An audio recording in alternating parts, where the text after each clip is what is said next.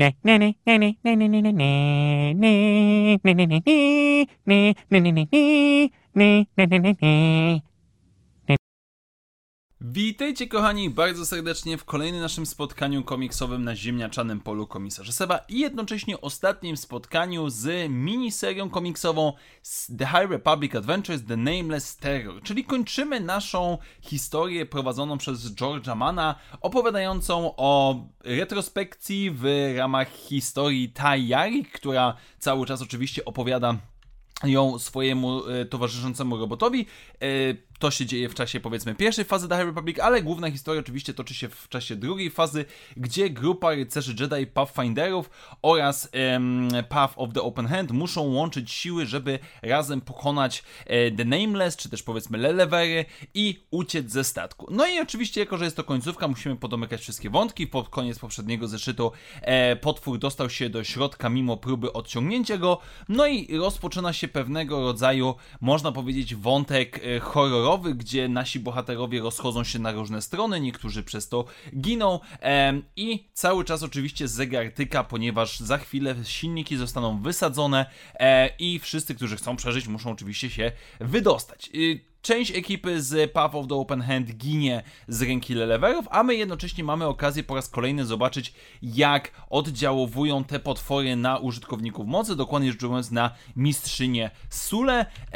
I w momencie, kiedy ona powiedzmy staje do konfrontacji z Levelerem, zostaje ona w pewien sposób uratowana przez Paco, który odciąga uwagę i jednocześnie ginie podczas tego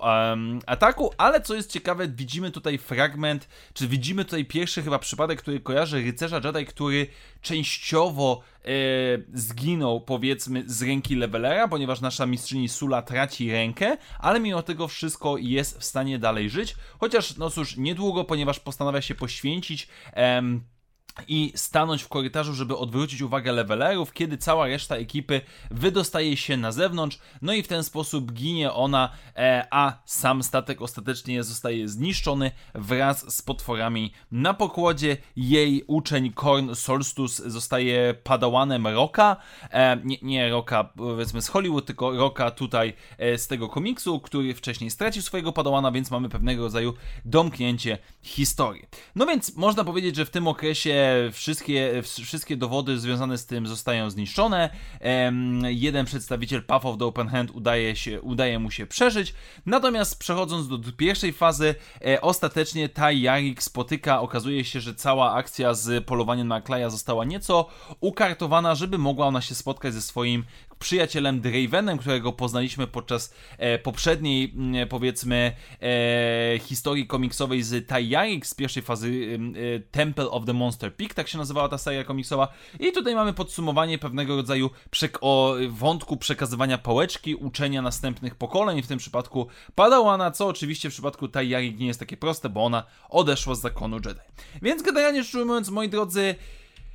sam komiks skończy się w porządku. Tak jak mówiłem przy poprzednim zeszycie, zdecydowanie, zdecydowanie lepiej wypada to, kiedy czytamy całościowo, więc jeżeli ktoś z Was nie sięgnął po to jeszcze, a planuje, no to moim zdaniem zdecydowanie warto sięgnąć od razu po wszystkie cztery zeszyty i przeczytać je, można powiedzieć, naraz. Natomiast z drugiej strony sama historia nie jest szałowa, ale też nie jest tragiczna. Jest całkiem solidnie napisana, jest poprawnie zilustrowana, w żaden sposób nie zapada ona w pamięć, za wyjątkiem jednej rzeczy, bo tak naprawdę narasta nam ilość dowodów rycerzy Jedi, którzy przetrwali mniej lub bardziej spotkanie z levelerami i naprawdę jestem zaskoczony i, ciekawy, jak to zostanie poprowadzone, że cała ta wiedza em, zostanie w pewien sposób ukryta i nie będzie powszechnie wiadoma w okresie pierwszej fazy The High Republic, czy też powiedzmy trzeciej za chwilę, co jest trochę dziwne. Oczywiście w książce e, Cataclysm mieliśmy wyjaśnione